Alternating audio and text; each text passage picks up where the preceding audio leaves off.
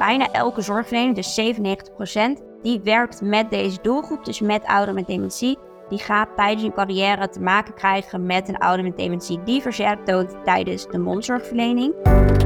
Je luistert naar NTVT Dentalk, de podcast van het Nederlands tijdschrift voor tandheelkunde. We gaan hier in gesprek met belangrijke experts, interessante onderzoekers en boeiende ervaringsdeskundigen. En misschien wel met jou. De presentaties in handen van tandarts en adjunct hoofdredacteur Maurits de Kuiper. Veel ouderen met dementie tonen verzet bij het ontvangen van mondzorg. Wanneer zorg wordt verleend ondanks dit verzet, is er sprake van onvrijwillige zorg. Hoe je hiermee om moet gaan als zorgverlener is sinds 1 januari 2020 vastgelegd in de wet Zorg en Dwang. Vandaag is de gast Mout Jonker, tandarts en promovende aan het Universitair Medisch Centrum in Groningen. Mout, van harte welkom. Fijn dat je bij ons wilt aanschuiven. Aanleiding hiervoor is het in januari verschenen artikel van jouw hand met de titel Besluitvorming omtrent onvrijwillige mondzorg bij ouderen met dementie. Op dit moment ben je bezig met het promotieonderzoek naar deze doelgroep. En voordat we het over jouw onderzoek gaan hebben, is het denk ik wel goed om even een beeld te schetsen van hoe groot deze groep is. Om hoeveel ouderen met dementie gaat het eigenlijk in Nederland? Nou, allereerst dankjewel uh, dat je me gevraagd hebt. Uh, nou, hoeveel mensen zijn er ongeveer in Nederland met dementie? Ongeveer op dit moment hebben 300.000 mensen in Nederland dementie. En de grootste hoeveelheid hiervan is ouder dan 65 jaar. En nou ja, zoals je kan voorstellen, naarmate mensen ouder worden, neemt eigenlijk het risico op het krijgen van dementie toe. En nou ja, dit natuurlijk in combinatie met uh, de vergrijzing en het feit dat ouderen steeds ouder worden, zorgt er natuurlijk voor dat in de komende decennia eigenlijk het aantal ouderen met dementie uh, flink zal stijgen. Ja, maar dementie, dat is een uh, overkoepelend begrip. Wat valt er nou eigenlijk allemaal onder dementie? Ja, nou, dementie is niet één ziekte, maar het is een verzamelnaam voor ruim 50 verschillende hersenaandoeningen met eigenlijk een neurocognitieve stoornis als belangrijkste symptoom. Nou ja, kijk, de meest voorkomende is natuurlijk de ziekte van Alzheimer. En dat is ongeveer 65% van alle vormen van dementie. Daarna de meest voorkomende is vasculaire dementie.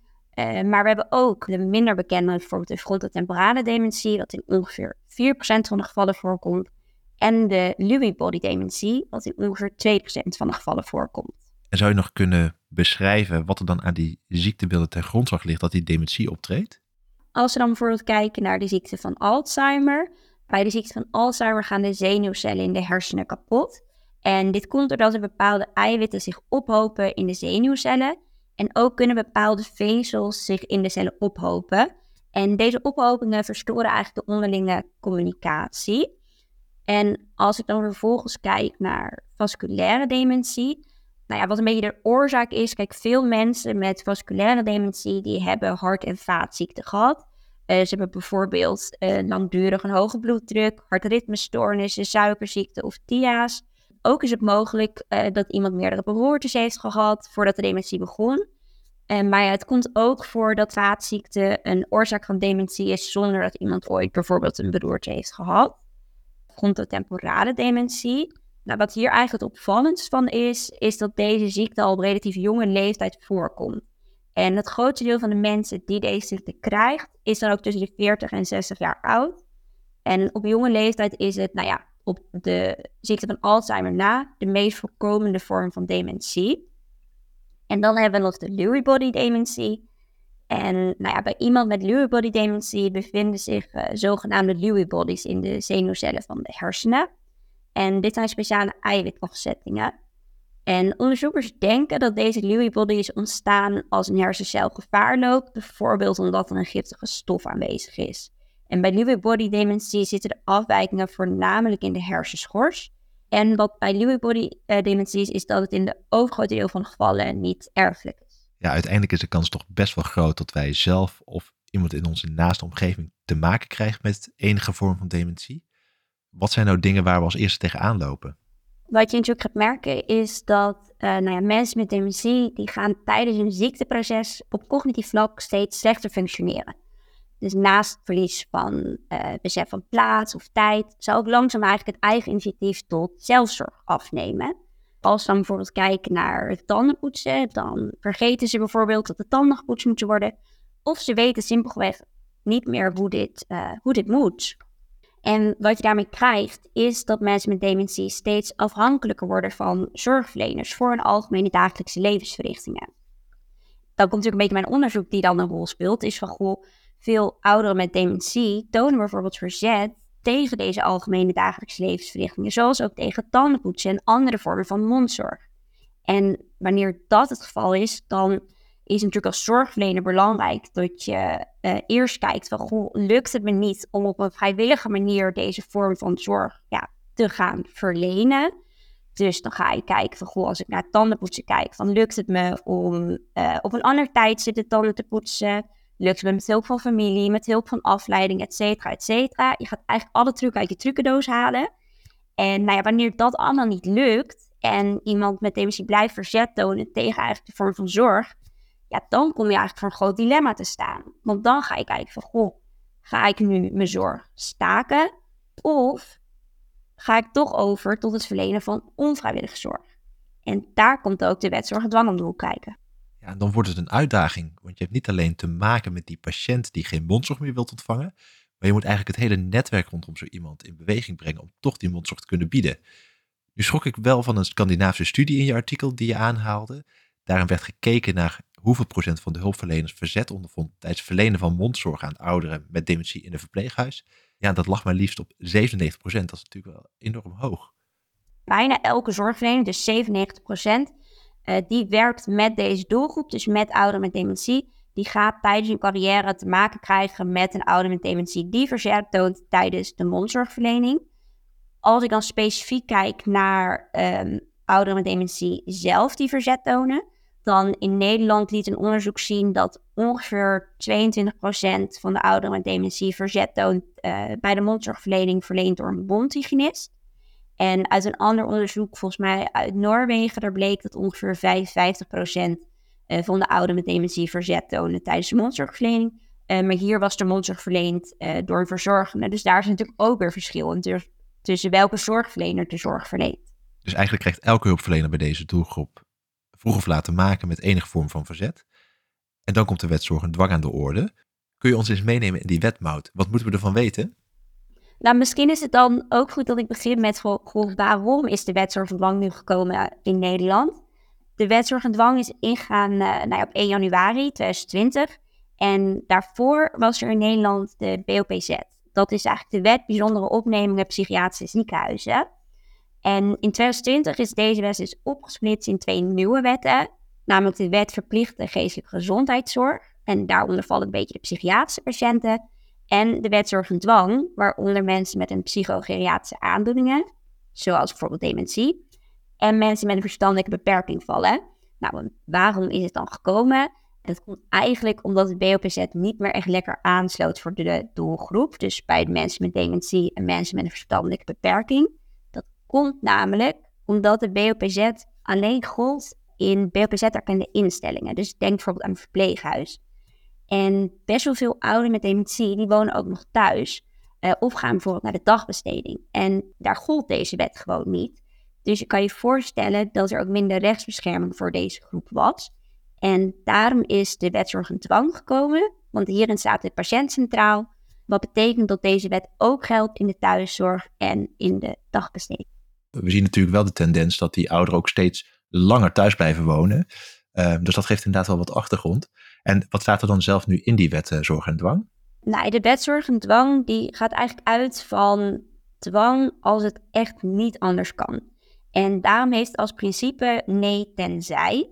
En dit betekent dat wanneer iemand verzet toont tijdens de behandeling, deze gestaakt dient te worden, tenzij er sprake is van een ernstig nadeel dan is het natuurlijk eerst wel van belang dat gekeken wordt naar alternatieven. Van lukt het echt niet op een andere manier? En dat je alle truc uit trucendoos houdt. En als dat allemaal echt niet lukt, dan ga je een stappenplan doorlopen van de wet dwang. Wanneer als zorgverlener vindt dat er sprake is van een ernstig nadeel.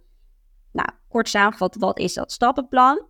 Bij dat stappenplan vindt er een multidisciplinair overleg plaats, waar dus eigenlijk met verschillende zorgverleners om de tafel gaat.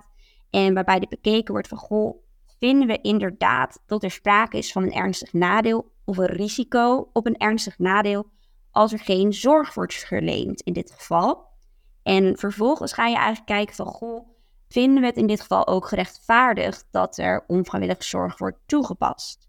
Want eigenlijk onvrijwillige zorg moet aan drie criteria voldoen voordat het mag worden toegepast. En dat zijn dus een beetje de begrippen proportionaliteit, subsidiariteit en effectiviteit. Nou, wat bedoel ik daarmee? Vertel. Nou, propors ja. nou, proportionaliteit, uh, dat is dus de onvrijwillige zorg moet in redelijke verhouding staan tot het doel van de toepassing. En dan kan je bijvoorbeeld denken van, goh, als iemand niet wil dat de tanden worden gepoetst, dan ga je niet iemand sederen om dat wel te kunnen doen. Dat staat niet met elkaar in verhouding. Nou, vervolgens heb je dus subsidiariteit. Dat houdt in de minst ingrijpende zorg moet worden ingezet. Als we dus naar onvrijwillige zorg bijvoorbeeld kijken, en dan wil je de minst ingrijpende vorm. Dus als het bijvoorbeeld mogelijk is om iemands handen vast te houden en op die manier de zorg te verlenen, is het natuurlijk veel minder ingrijpend dan om bijvoorbeeld volledige narcose toe te passen. Als ik dan kijk naar effectiviteit, dat is dan de onvrijwillige zorg moet het beoogde doel bereiken en niet langer duren dan strikt noodzakelijk. Als ik een voorbeeld moet bedenken, stel je hebt een ouder met dementie, er moeten twee uh, kiezen worden getrokken en je gaat iemand uh, sederen, dan wil je het liefst allebei de kiezen tegelijk trekken en niet iemand twee keer moeten sederen. En als je dan toch bezig bent en stel iemand heeft bijvoorbeeld lange teennagels, dat je dat ook gelijk knipt, zodat je zo effectief mogelijk bezig bent. Dus dat is een beetje samengevat.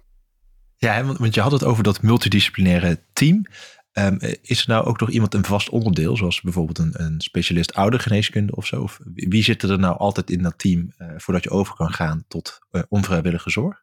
Nou, wie eigenlijk een vast onderdeel van dat multidisciplinaire overleg zijn, dat zijn de zorgverantwoordelijke, uh, nou, de familie van de patiënt, dus de wettelijk vertegenwoordiger, en een arts. En nou ja, in het geval van een verpleeghuis is dat dus een specialist ouderengeneeskunde. En naast deze drie moet er volgens het stapplan van de dwang ook een BZD-functionaris bij betrokken zijn. Uh, vaak is dit de specialist oudergeneeskunde, maar dit zou bijvoorbeeld ook een uh, orthopedagoog kunnen zijn. En uh, verder, um, nou, die, er ligt een beetje aan welke stap van het stapplan je doorloopt. Um, maar vaak wordt er ook een deskundige van een andere discipline bij betrokken om eigenlijk met een soort frisse blik te kijken naar de situatie en te kijken van, goh, is het nog steeds uh, gerechtvaardigd om je onvrijwillige zorg toe te passen? En lukt het echt niet om de zorg vrijwillig te leveren of om de onvrijwillige zorg meer af te bouwen? Nou, wanneer ze eigenlijk met z'n allen weer erover eens zijn dat er echt geen andere mogelijkheid is uh, om ernstig nadeel te voorkomen en het hier gerechtvaardigd is om onvrijwillige zorg toe te passen, dan mag het een bepaalde periode worden verlengd. En dat kan drie of zes maanden zijn. Ja, dan is het toch wel belangrijk dat al die hulpverleners samen eigenlijk tot een gedeeld begrip komen van wat nou eigenlijk zo'n gezondheidsrisico is. En daar geeft jouw onderzoek wel wat inzicht in. Wat heb je precies onderzocht? Nou, wat ik gedaan heb, ik heb een vragenlijst ontworpen en die bestond eigenlijk uit drie verschillende domeinen. Dus denk aan algemene vragen zoals geslacht, leeftijd, etc. Um, dan het tweede domein, dat ging meer over specifieke casuïstiek. Dus ik heb zorgverleners zes casen voorgelegd en die gingen dus over een ouder met dementie met een mondgezondheidsprobleem die verzet tonen tegen een vorm van mondzorg. En vervolgens heb ik eigenlijk per kaas gevraagd goh, vind je dat er sprake is van een ernstig nadeel als de patiënt uh, geen zorg ontvangt, dus geen onvrijwillige zorg?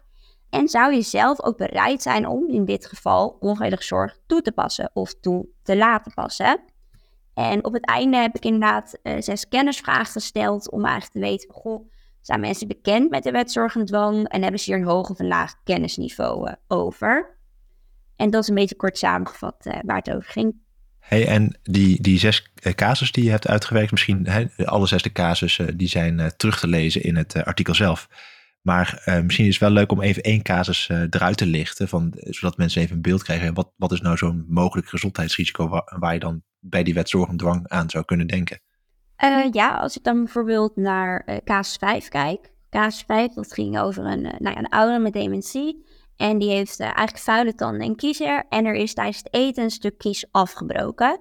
maar wanneer iemand in zijn mond wil kijken of zijn tanden wil proberen te poetsen, dan toont hij verzet. Um, en toen is dus gevraagd van, goh, vind je het een ernstig nadeel? En zijn jullie bereid om in dit geval onvrijwillig de tanden en kiezen van deze patiënt te poetsen? Nou, dan komt natuurlijk het gezondheidsrisico uh, van nou, het niet poetsen van de tanden. Dat kan natuurlijk leiden tot gingivitis. Het verhoogt het risico op het ontstaan van caries. Het kan uiteindelijk leiden tot pijn, tot ontstekingen. En bovendien heeft natuurlijk een slechte mondgezondheid invloed op de algemene gezondheid. Het wordt in verband gebracht met onder andere hart- en vaatziekten, endocarditis, et cetera. En tevens kan natuurlijk dit ook zorgen dat er misschien iets van een delier kan ontstaan. Mm nou, laten we zo zeggen, het is denk ik best wel makkelijk om in te schatten wanneer er een direct gezondheidsrisico is. Maar dat soort gezondheidsrisico's die eigenlijk wat op de lange termijn liggen, dat lijkt me toch best wel lastig om daar een keuze in te maken. daar is toch best wel veel grijs uh, in plaats van zwart-wit. Hoe kijkt zo'n tandarts-geriater daar dan naar? Nou, kijk, ja, wat, wat natuurlijk heel, heel logisch is wanneer er sprake is van een kloppend absces, dan is het heel duidelijk dat er sprake is van pijn en van een gezondheidsrisico. En dan weet je hoe het behandelen. Uh, maar wat natuurlijk veel lastiger is, is inderdaad, uh, nou ja, bijvoorbeeld het tanden poetsen. Als iemand echt niet wil en je hebt alles geprobeerd. En ook als je bijvoorbeeld kijkt van, goh, de meeste mensen in een verpleeghuis, die hebben een levensverwachting van negen maanden.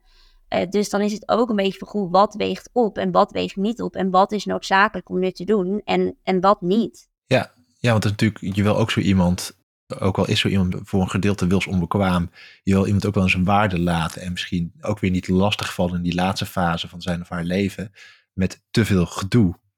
Dus ik, ik kan me voorstellen hè, eh, dat we ons allemaal wel wat kunnen indenken bij dat, uh, dat absces, maar dat soort ja, gedragsmatige zaken, zoals het tandenpoetsen, uh, het schoonmaken van die prothese, dat dat toch nog wel een lastige afweging is om die wet zorg en dwang echt toe te passen. Ja, klopt. En ik denk ook dat het tandenpoetsen iets is waar heel veel zorgverleners uh, eigenlijk mee vastlopen.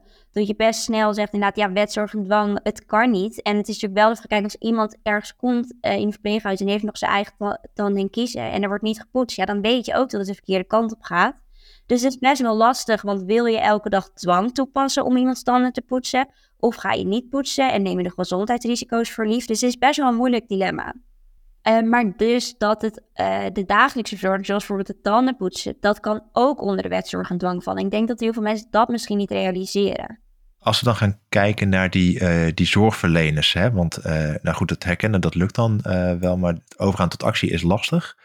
zag je daar nou ook een verschil in tussen het type zorgverlener? Want je hebt tandartsen, de vragenlijst voorgelegd, mondhygiënisten, verpleegkundigen, specialisten, oudergeneeskundigen, eh, maar ook de wettelijke vertegenwoordigers en de mantelzorgers. Zag je nou nog verschillen tussen die zorgverleners? Ja, dat was wel interessant, want voornamelijk de niet-professionele zorgverleners, dus dat zijn dus de mantelzorgers en de wettelijke vertegenwoordigers, die waren eigenlijk veel, veel meer bereid om onveilige mondzorg te verlenen dan de professionele zorgverleners. Ik heb natuurlijk ook gekeken naar andere onderzoeken om te kijken van hoe, hoe, hoe staat het daarin. En dat komt ook wel een beetje overeen, omdat Um, ja, daaruit blijkt eigenlijk dat veel familie- en mantelzorgers ook vaak om onveilige ja, zorg vragen of het initiëren. En ja, hoe komt dat? Ja, dat is een beetje moeilijk zeggen. Ja, misschien omdat ze zich verantwoordelijk voelen, sociale druk ervaren, of omdat je natuurlijk, ja, je hebt een hele andere soort band. Want het is natuurlijk een geliefde van jou die uh, bijvoorbeeld last heeft in de mond.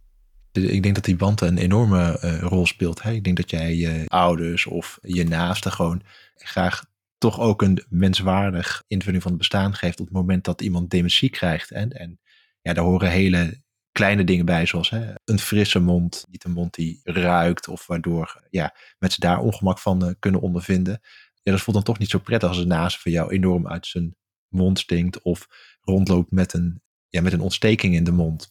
Dus ik kan me voorstellen dat het de noodzaak misschien bij die niet-professionele hulpverleners wat sneller wordt gevoeld. Want hè, ik kan me ook wel voorstellen, uh, en, en dat is natuurlijk ook een stukje waar jij in je promotietraject uh, benieuwd naar bent, is dat soort gezondheidsrisico's die misschien op de wat langere termijn optreden, dat die misschien ook niet zo heel erg motiverend zijn voor een zorgverlener om daar elke dag dus die dwang voor toe te passen. En dat het misschien ook wel ervoor zorgt dat de wet als een soort argument wordt gebruikt om die zorg niet te verlenen. Hè, ik verleen die mondzorg niet, want er zijn tekenen van verzet. Dus ik mag het niet. Nou, wat opvallend was, is dat eigenlijk best wel veel zorgverleners een, nou ja, een tekort aan kennis hebben over de wet zorg en dwang. En daarbij moet ik wel zeggen dat het niet, daar, ja, uit dit onderzoek kan ik niet halen van of de wet nou zelf direct invloed heeft op bijvoorbeeld de mondgezondheid van de ouderen met dementie. Um, omdat wat ik aangaf, er moet sprake zijn van een ernstig nadeel voordat je überhaupt onvrijwillige zorg mag toepassen. En iedereen ehm, die de situatie als ernstig na... Dus de situatie werd wel beoordeeld als ernstig nadeel. Wat dus noodzakelijk is om het te kunnen toepassen. En dus in dat opzicht heeft de wet geen invloed op de mondgezondheid.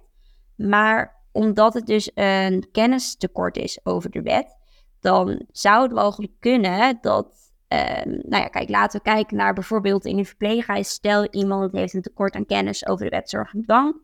En die wil de tanden poetsen van een ouder met dementie. En die ouder met dementie die houdt de lippen stijf op elkaar. Dan zou het kunnen dat uh, degene die die tanden probeert te poetsen zegt: Oh, de wet zorg en. Uh, ik moet stoppen, ik mag niet verder. Maar dat klopt ook. Maar het is wel belangrijk dat je dan uh, op zoek gaat naar alternatieve manieren om toch de zorg vrijwillig te leveren. In plaats van de zorg helemaal te stoppen. En dat is wat we denken dat misschien uh, de wet voor invloed zou kunnen hebben. Ja, dat mensen het eigenlijk misschien als een soort uh, argument gebruiken om maar geen zorg te verlenen. Dat is dan waar je misschien bang voor bent. Hè? En zo is die wetgeving natuurlijk ook niet bedoeld. Dat soort dingen zijn natuurlijk best wel lastig hè? als je uh, dagelijks dwang moet toepassen wat zijn nou trucjes die uh, in het verpleeghuis worden toegepast om zo iemand toch wel te motiveren om die dagelijkse handelingen uit te voeren? Nou ja, wat natuurlijk heel belangrijk is, is dat je, dat je degene kent. Dus stel, um, laten we zeggen, iemand was schipper, dat je daar eerst over praat en dat je op die manier een soort bruggetje kan vinden. Dus je een soort connectie kan maken en op die manier verder kan gaan. Um, wat tevens kan helpen is natuurlijk uh, bijvoorbeeld een verzorgende die ze goed kennen, waarbij ze zich op gemak voelt dat die erbij is. Um, of misschien is iemand heel erg muziek, dat je het op die manier aanpakt. Eigenlijk kijken wat bij diegene, uh, eigenlijk het contact zoeken met diegene. Dus wat past bij diegene, waar voelt zich bij op zijn gemak. En het op die manier proberen. En kijk, als het bijvoorbeeld uh, niet lukt in de ochtend, of bijvoorbeeld de verzorger zegt, nou in de ochtend, dan lukt dat gewoon niet, maar in de middag lukt het wel. Dat je het dan in de middag probeert, dat je daar gewoon heel flexibel in staat. En wat natuurlijk ook kan, kijk, het hoeft ook niet dat je bijvoorbeeld in de ochtend zowel de boven- als onderkaak poetsen. Als het bijvoorbeeld lukt om in de ochtend de onderkaak te poetsen en je kan het in de avond de bovenkaak doen. Kijk, dat kan ook. Het is gewoon een beetje out of the box denken en alles proberen en kijken wat lukt. En in je artikel heb je ook onderzocht wat het kennisniveau was onder hulpverleners over die wet dwang. Hoe was het gesteld met dit kennisniveau? Voornamelijk specialisten ouderengeneeskunde, die hadden een hoog kennisniveau over de wet. Um, die waren ook eigenlijk allemaal er ook mee bekend. Maar als je dan bijvoorbeeld kijkt naar de tandartsen, dan bleek tot 29 procent, um, nou die had überhaupt nog nooit van de wet zorgendwang gehoord. Um, en ongeveer 25 procent die had een hoger kennisniveau uh, over deze wet. En dat is eigenlijk een beetje de opvallendste zaken. Verder ja, blijkt dat nou ja, helpende verzorgenden uh, die hebben ongeveer 46% heeft een hoog kennisniveau, dus het varieert een beetje. Maar in het algemeen um, is ongeveer 46% van alle deelnemers heeft een hoog kennisniveau over de wet. Dankjewel, Mout. Dan wil ik dit gesprek eigenlijk een beetje tot een einde brengen. En dat brengt me bij de laatste vraag. Want wat zijn jouw ambities eigenlijk op dat vlak, Mout? Ik ben uh, in maart afgestudeerd, dus ik ben nu uh, eigenlijk voornamelijk vlieguren aan het maken als standaards. En daarnaast bezig met een promotieonderzoek uh, en daarna wil ik graag ook de opleiding gaan volgen om uh, tandartsgeriatrie te worden. Nou, ik denk dat we je goed kunnen gebruiken, Mout. Dus ik denk dat de collega's geriatrie om je zitten te springen. dus ga zo door. En ik hoop van harte nog meer van je te horen. en dat je uiteindelijk ook die zorg gaat verlenen aan die verpleeghuizen die zo hard nodig is. We zijn hiermee aan het einde gekomen van deze Dentalk podcast, waar we in gesprek waren met Mout Jonker over onvrijwillige mondzorg bij mensen met dementie. Dank voor jullie aandacht en tot de volgende keer. Dit was NTVT Dentalk, de podcast van het Nederlands tijdschrift voor tandheelkunde. Heb je tips of leuke vragen voor ons? Laat het ons weten via redactie.ntvt.nl. Bedankt voor het luisteren en graag tot de volgende keer.